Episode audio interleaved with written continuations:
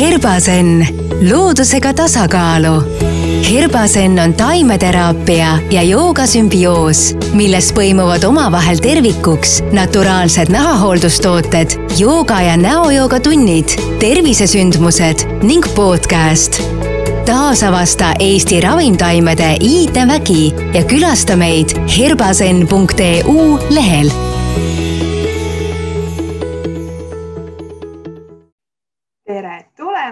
Herbaseni podcasti. käes on osa kolmkümmend kaks ja mul on täna külas imeline Piret. tere, Piret. tere. mulle meeldib alati alustada otsast ja täna ma ikkagi siis alustan täpselt sealt, kus iga podcast. kuidas sinu lugu alguse sai? kuidas sa üldse taipasid enda jaoks, et jooga võib-olla on midagi, mis sulle võiks meeldida ja veel enam, et sa tahaksid seda edasi ka anda? Et äh, väga hea küsimus. kohati endale tundub, et seda lugu on juba ka nii palju räägitud ja igal pool kirjutatud, aga, aga eks see lugu muutub iga kord vastavalt sellele, millal sa seda räägid ja kellele sa seda räägid. aga minu lugu sai alguse, ma arvan juba sihuke kümme, kümme pool aastat tagasi. et äh, siis, kui minust oli saanud äh, noor ema ja, ja kohati oli see, et äh, justkui nagu see aeg, mis oleks pidanud olema sinu elu üks ilusamaid aegu, kui sa oled saanud just emaks, siis mulle tundus see kuidagi, et nagu, et ma ei tea, et kas elu peakski selline olema või et, et kuidagi nagu asjad ei olnud päris nii, nagu ma oleksin võib-olla või oma, kuidas ma oma illusioonis nagu ette kujutasin, et elu võiks olla. ja, ja siis ma sain aru, et mul on nagu kaks varianti ehk siis, et äh, kas ma elan nagu sellises ohvrimeelsuses edasi ja, ja mõtlen kogu aeg, kui raske on elu ja eh, kuidas ikka mul on nii ja naa. Või siis eh,, või siis ma vaatan, et nagu, kas saab kuidagi veel. Ehk et kas on nagu mingi variant veel, et kas elul on nagu veel midagi pakkuda. Ja nii huvitav, kui see ka ei ole, siis alati, kui sul on küsimused, siis tulevad ka vastused. ja tegelikult oma esimesse joogatundi ma jõudsin ütleme kuskil kümme aastat tagasi ja see oli Mürivahe tänaval, too aeg ta oli stuudio sada kaheksa, ehk siis äh, ma jõudsin äh, nii-öelda esimese raksuga kohe Kriahata juurde. ja minu esimene õpetaja oli Annika Nõmberg ning äh, kui ma olin aastakese, ütleme niimoodi, seda Kriahata joogat nagu proovinud, natukene nuusutanud, siis keegi ütles mulle kunagi, et issand, et see Kriia Hatha jooga, et see on nagu mingi kiirtee valgustusse, et sa võtsidki nagu esimese hooga endale kohe siukse ampsu, eks. Aga, aga minu jaoks ma mäletan oma esimest tundi väga-väga hästi ja, ja kuidagi Annika oli hästi inspireeriv õpetaja, et äh, et need sõnad, mis ta lausus ja, ja kõik see, mis ta ütles, et mulle tundus, et jaa, et see on nii tõsi, et kus ma olen nagu varem olnud, et, et ma pole nagu, et kuskilt ma nagu teadsin kõike seda, aga kellelgi oli vaja mulle nagu meelde tuletada või et see on see nagu raamat, mida sa oled juba lugenud, aga sa loed teda uuesti ja siis sul on nagu, aa jaa, muidugi, et, et seal olid kõik need mõtted ja, ja teadmised ka veel lisaks et, äh, et siis minu jaoks ja ma ütlen ausalt, et ma olin kohe pärast esimest joogatundi nagu suhteliselt hooked ehk siis äh, konksu otsas ja, ja ma teadsin, et see on nagu miski, millega ma tahaksin äh, jätkata. aga, aga võib-olla nagu see, et, et tõesti minu jaoks Kriia Hatta oli too hetk hästi inspireeriv, aga võib-olla ma ei suutnud nagu tolles hetkes võtta nagu kõik kõiki neid aspekte, mida ta pakkus. Eh, kuna mul tegelikult oli keha võrdlemisi katki ja, ja ma tundsin, et tegelikult ma peaksin hakkama nagu otsast ja, ja kõigepealt oma nagu keha tugevdama ja, ja siis ma jõudsin väga varsti juba ka Ereli ja Kerli juurde joogaruumis ja siis äh, jätkasin sealt äh, nii-öelda Ashtanga ja Vinyasa joogade sellise katsetamise ja nii-öelda nuusutamisega natukene. aga siis äh, Merit Raju ju korraldas juba neid äh,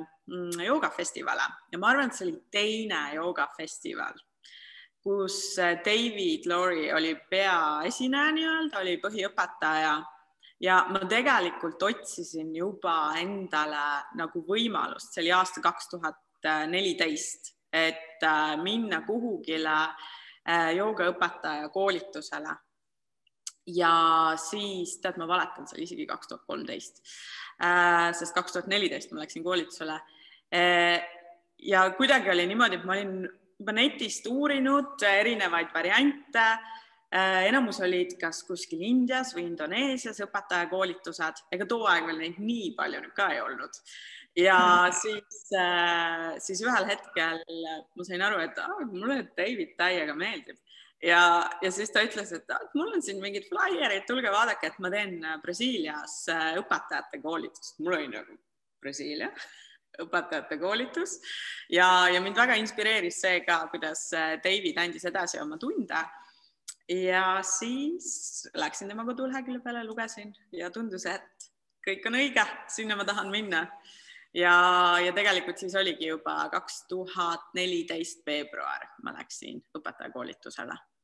ja tegin oma kakssada tundi, millele siis mul oli eelnenud noh, ütleme rohkem-vähem neli aastat niisugust isiklikku praktikat, mida ma ikkagi tegin võrdlemisi usinasti ja, ja intensiivselt ehk siis võib-olla ka minu mõte nagu seal, et miks ma tahtsin õpetajakoolitusele minna, oli see, et äh, ma tegelikult tundsin, et ma tahan rohkem, et, äh, et mulle meeldis grupitundides käia ja, ja tegelikult mul oli veel väga palju ka grupitundides saada, aga, aga ma tundsin, et ma tahan rohkem ja ja tegelikult õpetaja koolitus seda andis. ma olen väga palju mõelnud lihtsalt siin vahe, vahemõttena ka seda, et et äh, kas me peaksimegi alati neid kahesaja tunniseid koolitusi mõnes mõttes õpetajakoolitusteks äh, nagu kutsuma, et see kohati on, juba annab sulle nagu niisuguse eelduse, et sa pead kindlasti hakkama õpetama pärast seda. aga ma arvan, et see ei ole üldse nii, et tegelikult neid kahesaja tunniseid äh, koolitusi võivad läbida ka vabalt inimesed, kelle eesmärk ei ole pärast seda õpetada, vaid sa saad ikkagi nagu päris palju sellest kasvõi enesearenguks, et, et aga jah, et tänasel päeval ta on niimoodi, et neid kutsutakse õpetajate koolitusteks, kuigi mina vabalt soovitaksin paljudel näiteks edasijõudnumatel õpilastel, kellel on suurem huvi jooga suhtes ka osaleda neil ilma igasuguse soovita edasi õpetada. alguses ma mõtlesin ka, et noh, niisugune natukene tagasihoidlik eestlane, nagu ma olen, et, et noh, ei, mis mina õpetama, et ma lihtsalt käin seal ära enda jaoks ja, ja siis va vaatan, mis saab. aga siis ma, see oli umbes teine nädal, meil oli neli nädalat kokku niisugust äh, intensiivset iga, igapäevast õppimist ja umbes teine nädal ma sain aru, et ei, kui ma Eestisse tagasi jõuan, siis, äh, siis ma tahan, tahan hakata ka õpetama ja nii ta läks, ehk siis tegelikult oli see, et kui ma olin Eestisse tagasi jõudnud kuskil märts, aprill, siis ma juba juhendasin oma esimest joogatundi ja sellest ajast alates märts kaks tuhat neliteist ma olen tegelikult rohkem või vähem õpetanud iga nädal tunni või kaks vähemalt äh, joogat kuni siis tänaseni, et ma lõin üks päev kokku oma, umbes arvutasin, palju mul on äh, nii-öelda praktika hands-on tunde ja tegelikult see on tuhat kakssada pluss et, äh, et ma ise tundsin ka, et see päris suur arv juba, juba tuli kokku.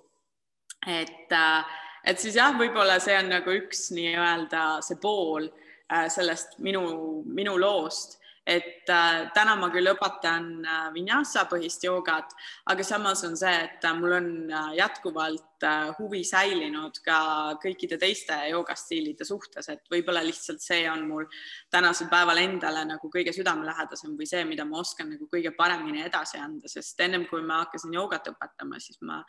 ju tegelikult olin äh, ka õppinud loodusterapeudiks ja massööriks ehk siis äh, mul oli niisugust anatoomilist ja kehatunnetust tausta nagu päris palju seal all ja, ja kuidagi see kõik, et läbi keha, keha õpetada seda joogat on, on minu jaoks olnud nagu hästi loomulik äh, minek. ei tea, kas ma vastasin sellele esimesele küsimusele ära? vastasid väga hästi. Mm, nüüd võib-olla natuke filosoofilisemalt, et kui sina ütlesid, et sul on nagu huvi säilinud ka teiste stiilide vastu, siis äh, kuidas sa võib-olla näed üldse Eesti joogamaastikku, et kas meil on seal näiteks mingid kindlad äh, esindajad, kes näiteks ütlevad, et ma teen ainult vinyasat või ma teen ainult hatat onju, ülejäänud kõik ei olegi jooga onju. või ikkagi üha enam sa näed, et see läheb sinna suunas, et huvi on ikkagi igasuguste joogade vastu säilinud ja pigem tahetakse õppida juurde erinevaid stiile? no selles mõttes see on juba niisugune küsimus, millele tuleb väga tundlikult vastata, aga aga no ma saan vastata ainult nagu lähtudes iseendast või, või sellest, mis ma enda lähedal näen. aga ma näen, et, et tegelikult kui keegi küsib näiteks, et oh, et ma tahaksin tulla joogasse või et ma olen varem joogat teinud, siis tegelikult jooga on nii üldine mõiste, et kohati see ei ütle mitte midagi. ehk et, et kui me räägime joogast, siis selle all võib ju mõista nii palju erinevaid äh, termineid, et jooga võib olla asana, jooga võib olla hingamistehnika, jooga võib olla meditatsioon, ükskõik milline teadlikult äh, tehtud tegevus. ja tänasel päeval on ikkagi see, et enamus inimeste jaoks resoneerub, eks võrdub sõna jooga ikkagi sõnaga asana ehk siis äh, nii-öelda see füüsiliselt praktiseeritud joogapoos. et äh, kui me nagu seda niimoodi vaatame, siis, äh, siis mis on ka minu jaoks hästi loomulik, äh, et enamus inimesi ikkagi nagu tuleb joogasse selle füüsilise poole pärast. ehk et, äh, et ütleme, inimene tänavalt, kes on võib-olla ainult kuskil filmis näinud, et tehakse mingit allavaatavat koera, grupis koos või, või on väga vähe kokkupuudet joogaga olnud, siis, siis tegelikult eelkõige nad eeldavad, et jooga on selline füüsiline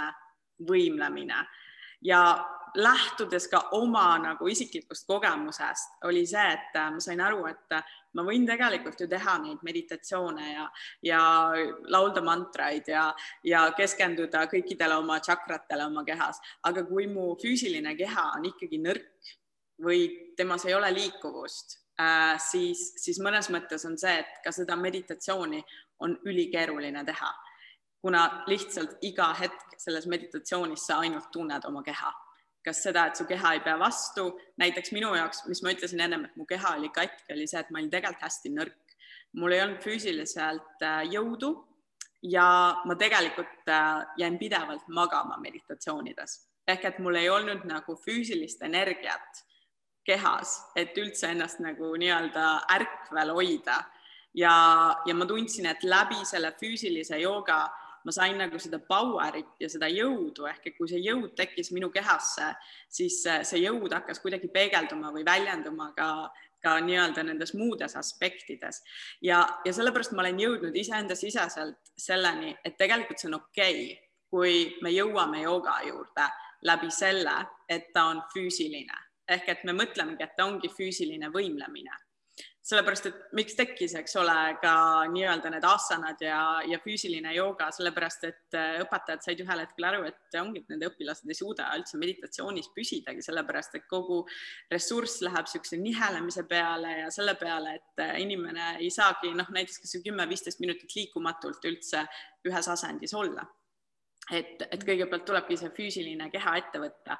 Ja, ja mõnes mõttes siis on meil ka vaja kõige rohkem neid äh, füüsilise jooga õpetajaid, et, et jõuda nagu nende inimesteni, et pakkuda neile seda võimalust oma kehadega tegeleda. Ja, ja tegelikult meie enda kogemus siin City joogas on samamoodi näidanud, et kui inimesed tulevad, et ära üldse nagu räägi mingitest tšakratest või, äh, või valgustusest, siis kui nad on ikkagi ilusti kuskil aasta kaks käinud, siis neil tekib suurem huvi ka, et ma tahaks teada selle meditatsiooni kohta või et, et äh, ma tahaksin rohkem teada, mis see pranajama või hingamispraktika mulle ikkagi annab või et, või nad hakkavad nagu tajuma nagu mingeid muutuseid ja neis tekib nagu see avatus minna ja uurida seda joogat nagu sügavamalt. et, et võib-olla see on nagu üks mõte, mis mul tekkis selle sinu küsimusega, et äh, et ilmselt, kui me loeksime kokku, siis meil on tänasel päeval kindlasti rohkem kas vinyasa või ashtanga jooga õpetajaid, kuigi ma tean, et ka Eestis on Kundalini hästi tugevalt esindatud ja ilmselt sellepärast, et Sukdev Kaur oli üks esimesi õpetajaid, kes tuli Eestisse ja, ja hakkas nii-öelda joogaõpetajaid koolitama, et sellepärast on ka, et ta pakkus esimesena nii-öelda seda õpetajate koolitusvõimalust et teised kõik pidid kuskil välismaal käima ja nii-öelda ennast koolitama ja otsima erinevaid, erinevaid võimalusi sealt. ehk siis, et ühest küljest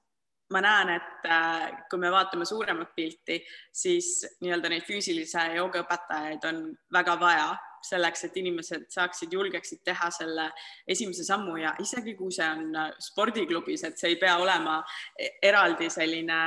suursugune stuudio, aga, aga selles mõttes, et neil on vähemalt see mingi kontakt, mingi võimalus äh, nii-öelda see esimene kokkupuude teha ja, ja kui sealt nagu hakkab see huvi edasi hargnema, siis see on ainult lahe.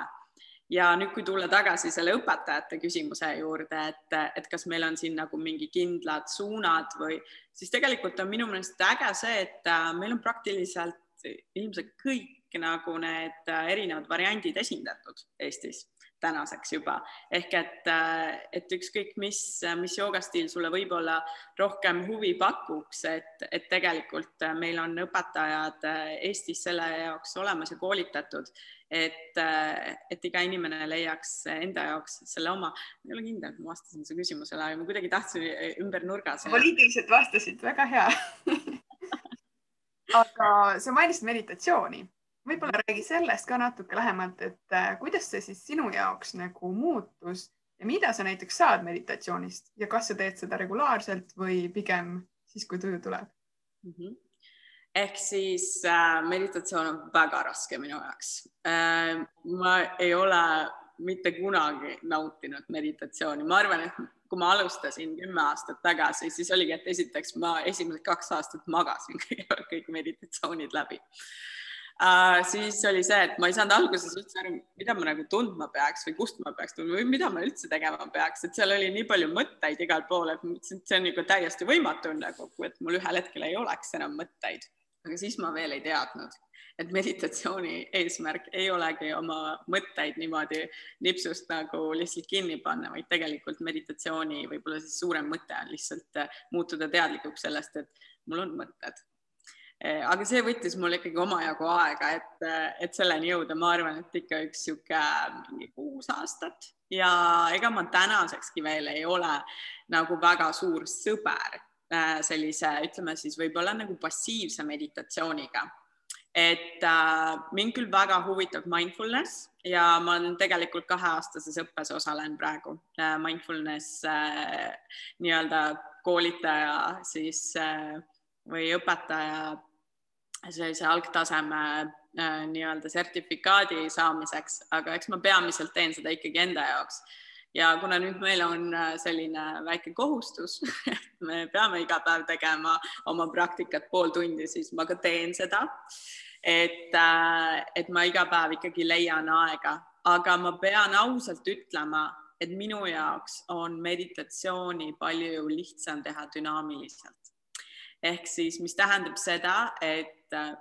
mul on nagu mingi liikumine sealjuures. et äh, näiteks kasvõi see, et ma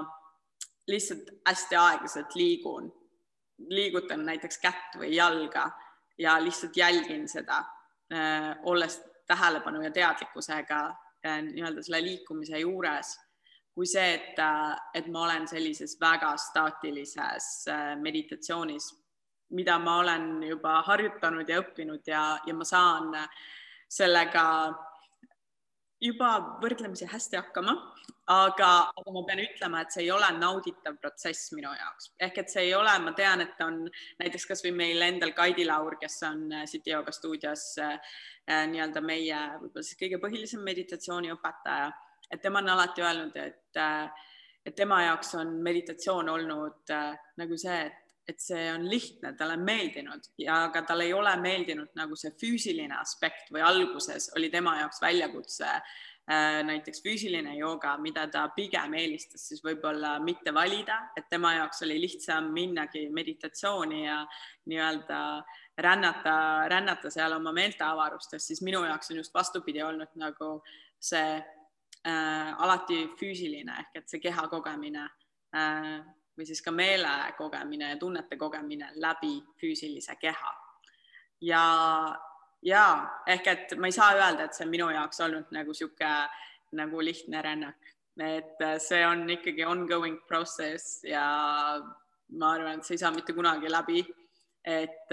et alati jäävad ju need väljakutsed, aga ma pean ütlema, et mulle meeldib mindfulness sellepärast et äh, ta on kohati hästi lihtne ehk et äh, ta on kohati tehniliselt lihtne, aga teda on ikka mega raske sooritada, kuigi sa teed sedasama asja iga päev, siis äh, et justkui nagu see muskel võiks juba treenitud olla, aga, aga ta pakub ikkagi nagu päris suuri väljakutseid. Et ja kui täiesti aus olla, siis, siis minu jaoks nagu meditatsioon on kindlasti miski, mis, äh, mis nõuab mult väljakutset, võib-olla suuremat väljakutset kui füüsiline jooga. et äh, füüsiline jooga on kindlasti minu jaoks, äh, kui teda vaadata ka kui meditatsiooni vormi, natukene lihtsam tähelepanuga püsida nagu keha juures, olla liikumises, kui see, et olla liikumatult ja nii-öelda jälgida siis ilma hinnanguteta oma mõtteid mulle väga meeldib, et sa julged olla aus ja ei ütlegi, et hei, ma mediteerin iga päev ja lootuse asendis istun tunde, onju. et kui ongi keerukam, siis see ongi keerukam ja osadel inimestel ongi, onju, et meile meeldivad ja sobivad erinevad asjad. täiega tänulik, et sa selle välja ütlesid. ja, mis ma ikka valetan, endale ainult. On ju, aga siis mõni vaatab kõrvalt, oo, kus see teeb siin iga päev kolm tundi istub, onju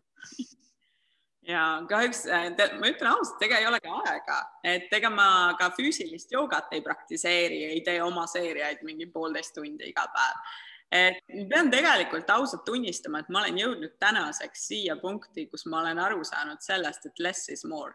ehk et selle asemel, et, äh, et üheksakümmend minutit järjest nagu proovida kõiksugu erinevaid äh, akrobaatilisi harjutusi nagu läbi teha oma kehaga, ma olen jõudnud nagu sinna, et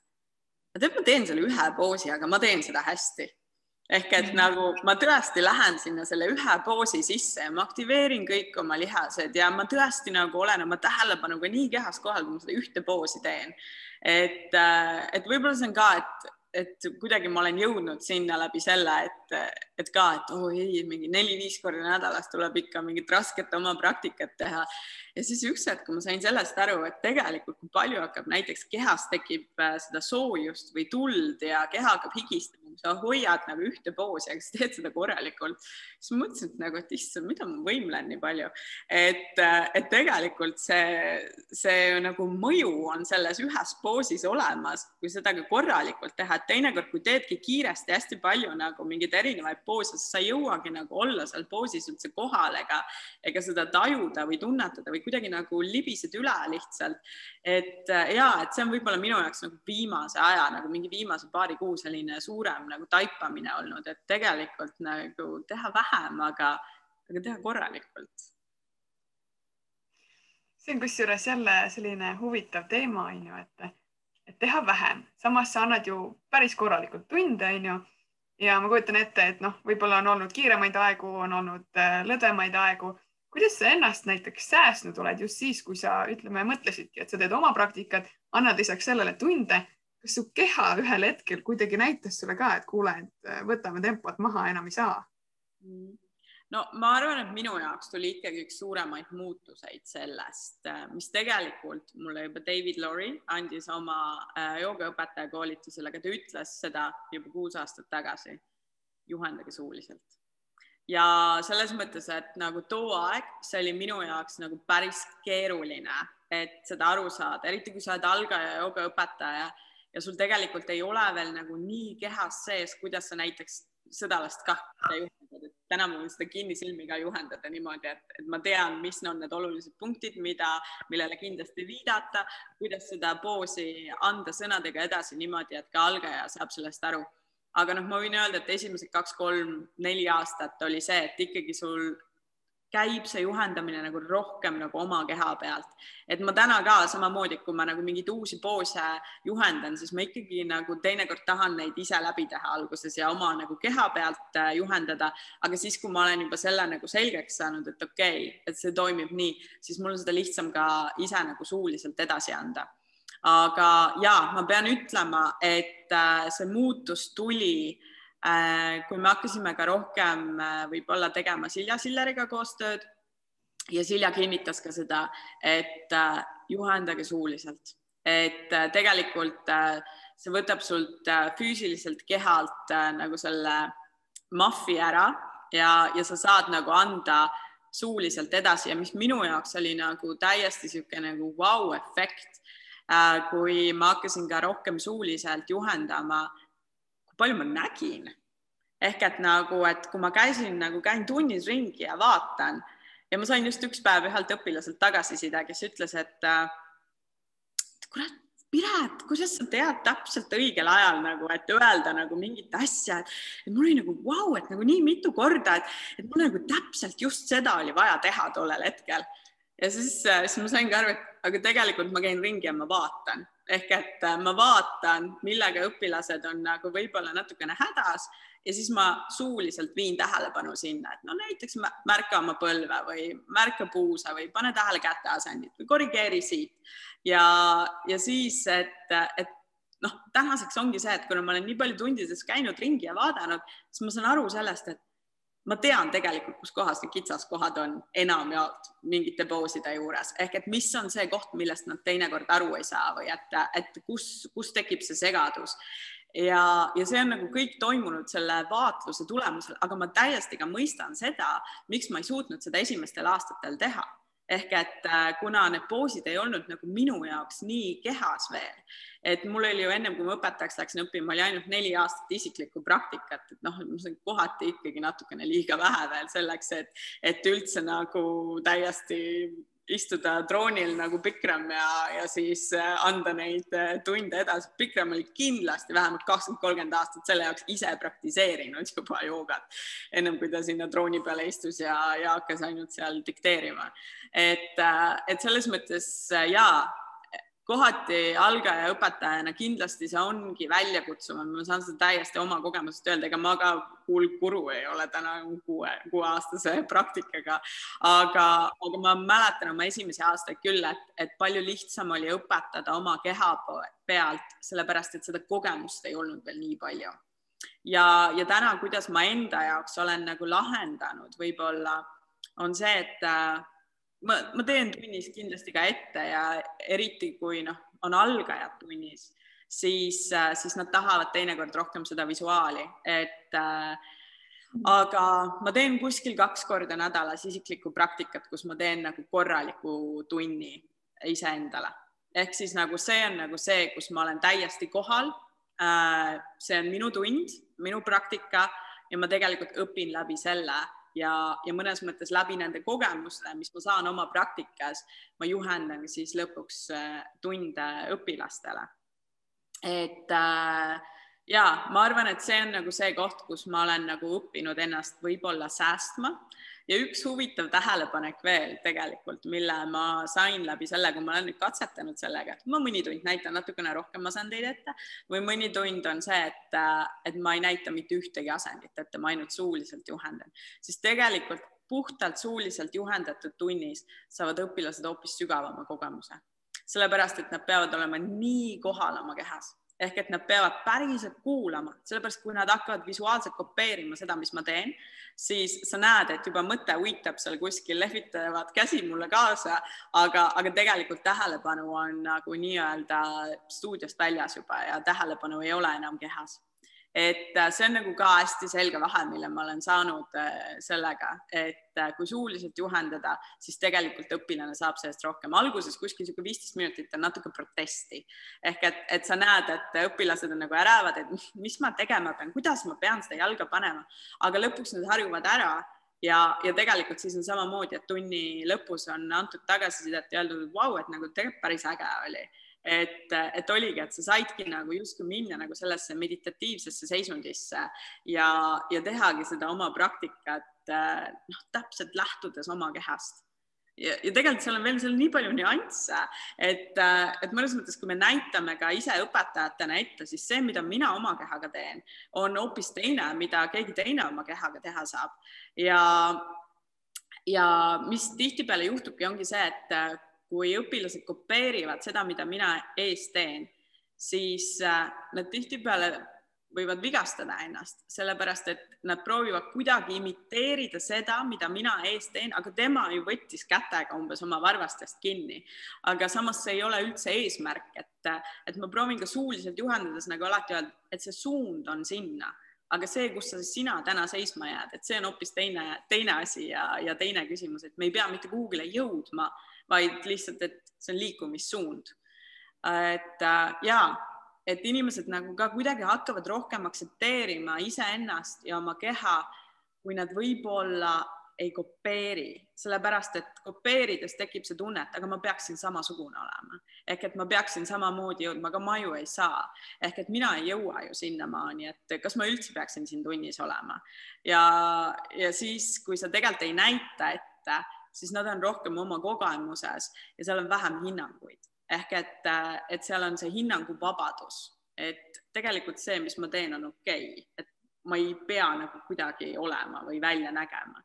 vaid oluline on see, mida ma tunnen ja kogen oma kehas, kui ma seda teen. no sihuke mõte tuli. väga huvitav, kindlasti väga väärtuslik ka. ja, et just. aga kui me nagu tuleme nüüd joogasaalist natuke kaugemale, siis eh, millised on sinu igapäeva näiteks eh, rutiinid või rituaalid, kas sul üldse on neid näiteks, mis sa hommikul teed või mis sa õhtul teed või mm. sinna juurde võiks kohe võtta selle, et kuidas sa üldse puhkad mm? -hmm äh,? no ma ütlen ausalt, minu elu on mega kaootiline, ehk siis on see, et ma võib-olla tahaks, et mu elus oleks rohkem rutiini ja rütmi, ehk siis äh, minu rutiin on suuresti seotud sellega, et ah, mul on esmaspäeva õhtul tund, siis mul on neljapäeva lõunal, siis mul on neljapäeva õhtul tund ja siis mul on reede hommikul tund, kus ma pean kindlasti kohal olema. aga kuna mul on endal ka üheteistaastane poeg siis, äh, siis ka tema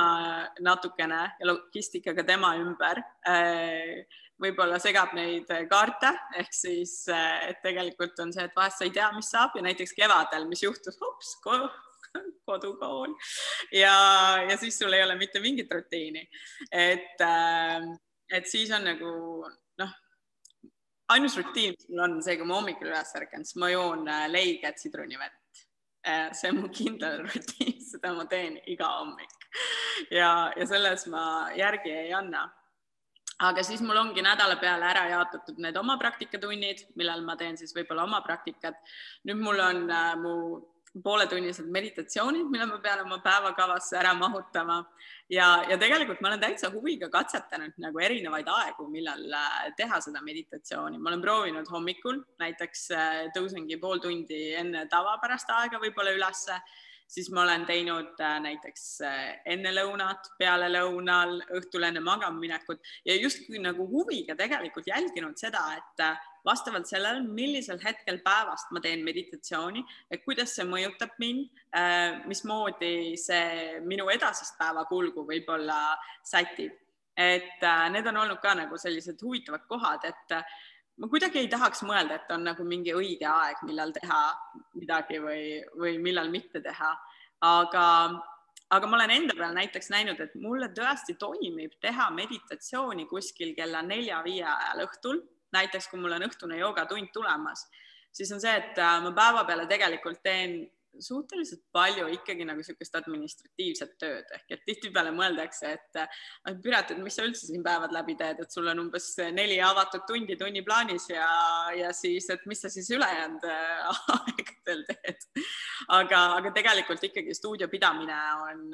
selles mõttes, et ka täiskohaga töö. Et meil õnneks oleme kolmekesi, et siis Avel Jahtma ja Kaidi Lauriga, kellega koos me siin majandame, aga, aga tegelikult ju noh, mõnes mõttes stuudio pidamine on nagu ükskõik milline niisugune väike ettevõtlus, et, et sul on olulised detailid, raamatupidamine, kodulehe haldamine, kliendihaldus, et nagu kõik need aspektid käivad sinna juurde, et, et jah, et tõepoolest me lõpuks siis anname ka selle teenuse ehk siis nii-öelda teeme, juhendame neid joogatunde, aga, aga nagu kogu see maine kupatus käib ka nagu sinna juurde ja, ja sinna ümber, et, et mis on küll kohati nagu nähtamatu, aga ta on alati seal olemas. ehk siis äh, mulle, tulles tagasi selle juurde, miks mulle meeldib kella nelja-viie ajal võib-olla mediteerida, on äh, sellepärast, et ma olen märganud, et siis selleks ajaks mul on piisavalt juba kaost olnud nagu päevas, et hästi palju erinevaid mõtteid, mingeid teemasid, mida ma olen nagu lahendanud ja, ja kuidagi see poole tundi ma nagu näen ära selle, mis on nagu okei okay,, need mõtted, mis on hästi intensiivsed, mingid asjad võib-olla, mis ei saanud lahendusi või mingid asjad, mis tulid ülesse ja, ja kuidagi nagu tekitasid erinevaid emotsioone, jäid häirima. ja, ja kui sa oled selle pool tundi meditatsiooni ära teinud, siis ma olen läinud tunde andma, ma olen ise nii kohal et äh, kui muidu võib-olla tuleb nagu teinekord ka kuskilt niisugusest äh, nagu kaootilisest äh, nagu situatsioonist, et või kiirustasid aga siis, kui ma olen selle meditatsiooni ette teinud, ma olen nii kohal tunnis, et mul ei lähe paremad-vasakud jalad sassi. Ja siis mõtlen nagu vau wow,, päris lahe, et vaatad nagu ennast veel kõrvalt, et oh. et, et selles mõttes ja, et ma ei saaks öelda, et mul on nagu selliseid nagu nui neljaks kindlaid asju, et, et noh, mu elus siiski on nagu niisugust kaost nagu päris palju, aga sa küsisid ka, et kuidas puhkus või, või mismoodi ma puhkan, kuidas see välja näeb siis äh, ma katsun hoida nädalavahetused vabad, kui vähegi võimalik. ehk et, äh, et tegelikult sellise nii-öelda ettevõtjana sa võid ka nagu hästi kergesti lasta nagu selle nagu käest, et, et lõpuks ongi see, et äh, töötad juba nagu seitse päeva nädalas või teed mingeid asju ja kogu aeg kõik mõtted on nagu, nagu seotud sellega, et ma olen teadlikult proovinud tegelikult ikkagi nädalavahetused nagu vabaks jätta, et ma ei võta tööd peale aeg-ajalt ma korraldan kursuseid äh, nädalavahetustel lihtsalt sellepärast, et, äh, et siis on meil stuudio vaba ja, ja me saame niisuguseid selliseid special event'e teha. aga, aga üldjoontes äh, jah, et see on mul miski, mida ma püüan nagu hoida mulle meeldib hästi käia looduses, ehk siis äh, mina saan nagu väga palju sellest, ma arvan, et see on ka seotud minu loodusterapeudi õppe ja, ja sellega, et ma pärimusmeditsiini õppisin, ehk siis äh, mulle väga meeldib niisugustes päästavates kohtades käia. Äh,. võib-olla seal, kus on vähem inimesi. Et, et, et tegelikult ma tunnen, et ma olen küll nagu, mulle meeldib juhendada tunde ja, ja mulle meeldib inimeste ees olla, aga ma tegelikult tean, et nagu sisemiselt ma olen niisugune vähe introvertne ja, ja ma tegelikult laen ennast läbi selle, kui ma saan olla nagu sellises nagu natukene rahus ja, ja vaikuses ja, ja üksinda. et, et see on minu jaoks nagu see laadimise koht ja, ja siis ma üldse ei tunne inimestest puudust. Siis ma olengi täitsa nagu, nagu ise ja, ja ma tunnen, et mul on seda power'it ja, ja, ja jõudu pärast seda. Ja ka minu kingitus, mille ma sain äh, pärimusmeditsiini õppides, on kindlasti saunas käimine. ehk et äh, mul on maakodus hästi mõnus puuküttega saun ja siis, kui vähegi võimalik, siis äh,, siis ma katsun nädalavahetustel teha ruumi ja aega, et, et sinna jõuda ja, ja käia saunas saunas käimine on ju eestlaseks olemise üks osa, on ju, et ilma selleta ei saa. täpselt. kuule, aga pärimusmeditsiin on väga põnev äh, teemana, eks. aga sealt on, kas sealt kasvas välja sinu bränd ähm, Sõsar? ja, et, et see oli äh, vägagi inspireeritud äh, sellest, sellest ajast, kui, kui me kui ma õppisin pärimusmeditsiini ja siis ma tegelikult sain aru nagu, et, et kui palju ägedaid asju meil on endal nagu olemas ja, ja siis me hullult nagu tellime kuskilt väljaspoolt sisse ja, ja, ja nagu kasutame kõike seda, mis tuleb välismaalt, sest see tundub nii tore ja äge ja palju parem, aga, aga mõnes mõttes meil on just veel täiesti rikkumata loodus ja noh, ma ei saa öelda täiesti rikkumata, aga, aga ikkagi piisavalt puhas selleks, et, et kasutada neid mis meil varasid, mis meil siin endal on. Ja näiteks ongi see, et kui ma käin saunas, siis äh, minu kehakoorijad on äh, mee ja soolasegu täielik lemmik, sellepärast et kui sa mee segad sinna soola sisse, siis ta jääb niisuguseks veel nagu mõnusaks nagu pastaks, et kui muidu on nagu niisugused need soolakoorijad, siis need pudisevad sul seal käte vahelt ära, aga siis see mesi seob nii mõnusalt nagu selle äh, koorija kokku ja ma olen jäänud nagu väga kasutama nii turba kui ka mudamaske, sest ma olen siiamaani täielikult veendunud, et paremaid nagu näomaske või kehamaske ei ole olemas, lihtsalt need tulemused ja need efektid efektid, mis sa saad, et äh, et see on, see on midagi ägedat. aga ja, et siis äh, tegelikult sõsaraga me tegutsesime viis aastat, aga siis äh, me ühel hetkel tundsime, et kuidagi nagu me olime samamoodi kolmekesi et tähelepanu liikus ära, et minul ikkagi oli tähelepanu nagu hästi palju city joogaga seotud ja siis äh, mul partnerid, kellega koos me seda tegime, et ka nendel olid nagu natukene tähelepanu hajus ja liikus, et siis me tegelikult äh, sõsara nagu osaliselt müüsime ja, ja panime ta nii-öelda kinni. Aga, aga ta tegutseb tänasel päeval edasi. Ehk siis, kus üks meie partneritest, Triin Mägi, siis äh, teeb äh, tervisliku eluviisi koolitusi ja edendamist. Ehk siis Äh, ja et, äh, et see mõte, see bränd elab edasi ja ta tõesti sai pärimusmeditsiinist äh, alguse, nii et ma arvan, et seal on midagi põnevat, mida kindlasti kõigil ka uurida ise. Kindlasti on see, miks ma seda küsisin, mul tuli meelde, et ma tegelikult kunagi kuulsin sind rääkimas, kas see oli tehnika kõrgkool või mingi selline huvitav koht? Sõsarast, sa seal rääkisid, siis mul jäi meelde, oo loodusvärk on ju väga põnev siis nüüd äh, kuidagi tuli meelde, oo oh, jaa. ma arvan, et seal oli, mul tuleb meelde ka, et seal oli üks, äh, üks äh, ja ettekanne, mis ma tegin tõesti aga kui sa nüüd vaatad ajas edasi, siis millest sa veel unistad, justkui nagu tundub, et noh, oled ju ettevõtlust teinud ja siiamaani joogastuudioga teed ja, ja on ju poeg olemas ja nagu arendanud ennast oled ka, et justkui nagu kõik on olemas aga kas on veel midagi, mida sa unistad ja tahaksid veel ellu viia või, korda saata mm? -hmm. Äh, väga hea küsimus ei ole selle peale tegelikult nagu niimoodi mõelnud, aga loomulikult, eks kogu aeg unistad, unistad ja, ja mõtled. aga ma arvan, et mul on nagu mingil määral, minu unistus on seotud jätkuvalt sellega, miks ma ka jooga juurde jõudsin. ja, ja see küsimus on jätkuvalt see, et äh, mis veel elus on ehk et mis on veel nagu elul pakkuda. et äh, noh, ütleme niimoodi, et äh, nüüd ma olen nagu ühelt levelilt nagu teisele levelile jõudnud. Ja, ja mõnes mõttes on ka see, et äh, ka ettevõtlusega, et sa võid ka, ka nagu ennast ära kaotada, et isegi kui see on nagu joogaettevõtlus, siis sa võid ka täiesti ennast sinna numbritesse ja tabelitesse ja ma ei tea, tekkide pesusse ära kaotada ja, ja siis nagu mõtledki, et ta okei okay,, et kas see, kas see on siis nagu kõik või, või on veel elus nagu midagi. et äh, võib-olla nagu minu unistus, kui ma nagu, ma ei vasta nagu nii konkreetselt, et äh, vaid pigem on see nagu selline laiem, et, et ma tahaksin nagu, nagu näha, et tegelikult nagu elu tuleb läbi kerguse. et, äh, et elu ei pea olema nagu, nagu selline nagu, nagu hull lükkamine kogu aeg või tõmbamine, vaid tegelikult on elus olemas see kergus ja, ja kuidagi, et nagu ma ei tea, võib-olla see on lihtsalt nagu niisugune meeleseisundi muutus ka, et, et ma nüüd täna otsustangi, et, et mu elu on kerge ja, ja mu e-, ja asjad tulevadki lihtsalt.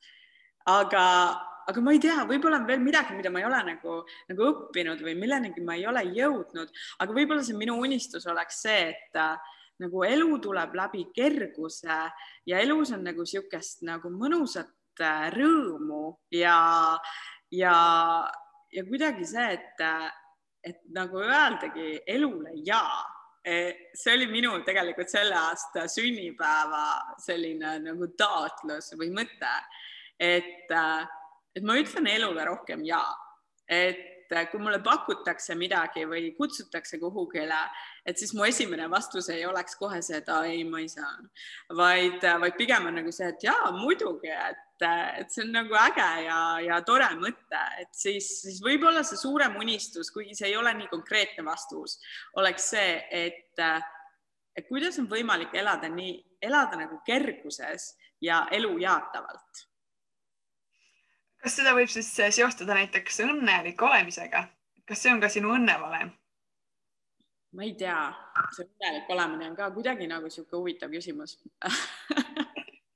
et, eh, et selles mõttes, et ma arvan, et rohkem või vähem me kogeme ju kõik õnne. aga ma, ma ei tahaks öelda, et õnn on minu jaoks see, mida ma taga ajan. ma arvan, et, eh, et minu jaoks täna on see kergus ehk et, äh, et äh, nagu niisugune nagu lihtne olemine peab keeruline kõik olema, et kuidagi lihtsalt olla ja, ja ongi nagu kogeda elu nagu suhteliselt nagu vahetult. väga hästi aga sa annad ju eratunde ka, eks?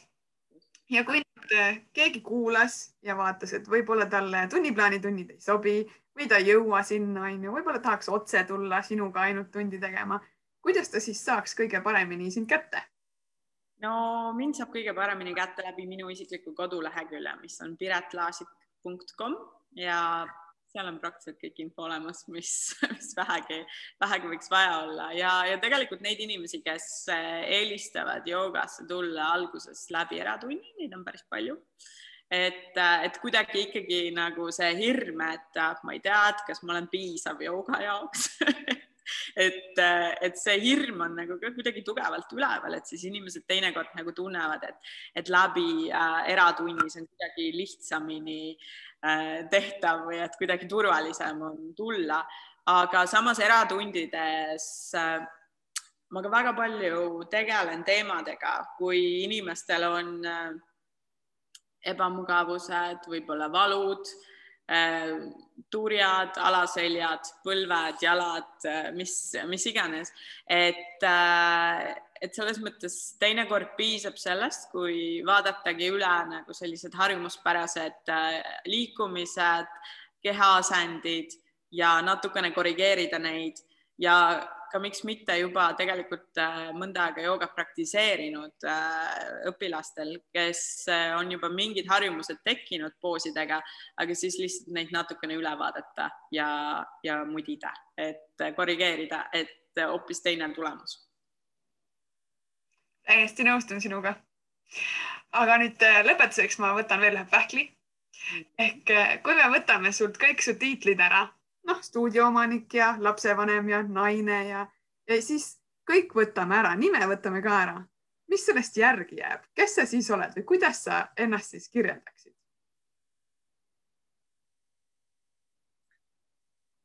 Uh, nojah et äh, ma arvan, et äh, ma ei tea, kas sellele küsimusele on üldse võimalik äh, sõnadega vastata. et äh, nagu ma ka tihtipeale oma joogatundides ütlen, siis äh, me võime ju filosofeerida nendel teemadel. aga samas, kas meie nagu meel kunagi üldse jõuab selleni ehk et kas ta saab üldse aru sellest ehk siis sellest, kes olen mina. et äh, võib-olla ma saan öelda, et äh, ma olen vaatleja ma olen äh, kogeja, ma olen äh, miski. et, äh, et selles mõttes jaa, ma tunnen, et ma ei saa sellele küsimusele täna äh,, täna sõnadega vastata. ja, ja võib-olla see ei olegi nagu sõnadega vastatav, vaid see on kogetav mm. -hmm. et äh, et kui me näiteks viibime ühes energiaväljas, et äh, siis me saame seda nagu tunda. aga siin ongi see, et ega ei ole õigeid ja valesid vastuseid, on ju. see on täpselt see, kuidas sina parasjagu tunned. ja tegelikult äh, miks mitte, on ju, ühel hetkel ollagi ühes ruumis ja vaadata, mis siis sealt tuleb, on ju, kindlasti äge sünergia, on ju. aga võib-olla tõesti saab ainult nii tajuda ja nüüd, äh, kuna mina olen siin küsinud usinasti, on ju, siis võib-olla ma olen midagi jätnud kahe silma vahele, mida sa tegelikult tahaksid vastata. siis äh, nüüd ma jätaksin sulle selle aja. kas sa tunned, et midagi on veel südamel, mida sa tahaksid kuulajale edasi anda mm.? Uh, jah, kuigi ma arvan, et põhiteemad on uh, juba niimoodi mõnusalt uh, üle, üle käidud. aga mm, ja võib-olla nagu, kui kellelgi on veel küsimus, et äh, miks, miks teha joogat või et mis on nagu joogas äh, nii erilist? ma natukene laiendaks seda mõtet sellest eelmisest küsimusest, et äh, seda ei ole võimalik sõnadega edasi anda ehk et äh, et me tegelikult, me võime rääkida, et jooga teeb head ja, ja kui sul selg valutab, siis sa peaksid kindlasti joogasse tulema või kui sul on ärevad mõtted, siis sa peaksid joogasse tulema. aga, aga ennem kui keegi ei ole praktiliselt kogenud seda, mis tunne su kehas on pärast joogatundi, siis äh, seda on väga nagu raske praegu kasutades sõnu ainukese väljendusvahendina edasi anda et äh, ma väga loodan, et kui meie kuulajate hulgas on näiteks inimesi, kes ei ole veel joogasse tulnud ja, ja nad kuidagi nagu ootavad seda, et neile see mõte nagu maha müüdaks või, või et äh, kuidagi inspireeritaks, et siis äh, võib-olla see inspiratsioon oleks see, et äh, sa pead lihtsalt ise proovima seda, et et seda, et keegi teine sind kuidagi nagu nagu paneks sind tegema või tulema, et, et see peab olema kuidagi niisugune sisemine impulss, et jah, nüüd ma olen valmis või et jah, nüüd ma tahan. et äh, siit ka mõte, et me oleme teinekord näinud, kuidas äh, näiteks tuuakse see sõbrannad, võtavad sõbrannad kaasa, et oh, tule, mina jõudsin ka tegelikult niimoodi joogasse, et mu sõbranna kutsus mu kaasa äh,. või siis on näiteks see, et äh, naised võtavad omal äh, mehi kaasa või mehed võtavad naisi kaasa, et Äh, et tihtipeale, kui seal ei ole olnud sellist sügavat sisemist nagu tunnet või otsust, et jah, nüüd ma tahan, et nüüd ma olen valmis, nüüd ma olen seal kohas, kus ma tahan nagu tõesti kogeda ja tajuda, mis jooga mulle annab, siis äh, ega nad ei jää käima. et, äh,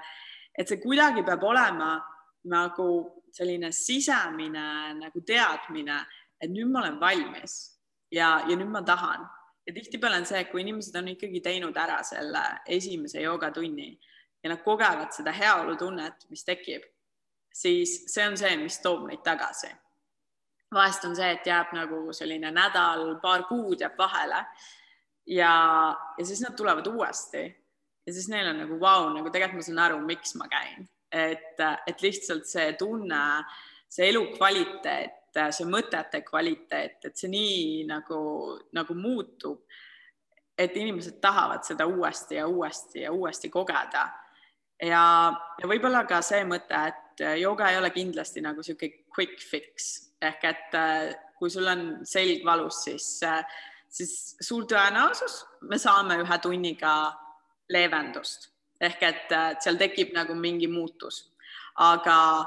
ta kindlasti ei lahenda näiteks ühe tunniga seda, seda teemat ära, vaid see on nagu selline järjepidev ehk ongoing nagu protsess, et, et mulle meeldib tegelikult võrrelda äh, joogat nagu hammaste pesuga et äh, me ei pese üks kord aastas hambaid, vaid me tegelikult peseme hambaid iga päev, sellepärast et hoida seda hügieeni. ja ma arvan, et jooga samamoodi on selline nagu füüsilise ja vaimse hügieeni hoidmine. et äh, kui sa teed seda nagu kord aastas, siis kindlasti see on äh, emotsioon see on meelelahutus, aga samas, kui sa tahad sellest mingit jäävat äh, nagu väärtust või pikemaajalist muutust, siis ta nõuab pühendumist. Ja, ja see on nagu võib-olla nagu see, milleks kõik ei ole veel valmis, aga samas varba otsaga võib ju seda vett natukene puudutada ja katsuda ja võib-olla kahe-kolme aasta pärast on, on inimesed teises kohas oma elus ja, ja siis nad tunnevad, et ei, et nüüd ma olen, nüüd ma olen nagu valmis ja ma tegelikult tahan seda hügieeni hoida see on väga hea võrdlus, ma ei olegi niimoodi kuulnud kunagi. ja. ma nagu siiralt tänan, et sa leidsid selle aja, olgugi et graafikud on tihedad, on ju, tuleb vahepeal liikuda erinevate punktide vahel, aga et ikkagi sul oli see aeg, sa jagasid meiega oma maailma, loomulikult siin on veel palju-palju nüansse, aga ma usun, et kõik, kes natukene on mõelnud mida siis Piret teeb vabal ajal või, või kuidas tema üldse joogani jõudis, sai nüüd vastatud, sest tihtipeale, kui inimesed on trennis, siis ega ei ole ju aega väga jagada selliseid asju, et pigem ikkagi jagatakse, kuidas leevendust saada seljavalule või, või teha südalast õigesti, eks.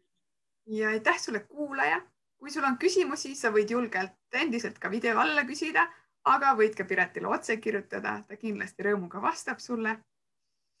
Mina soovin toredat päeva jätku ja kohtume juba uuel nädalal. aitäh. sulle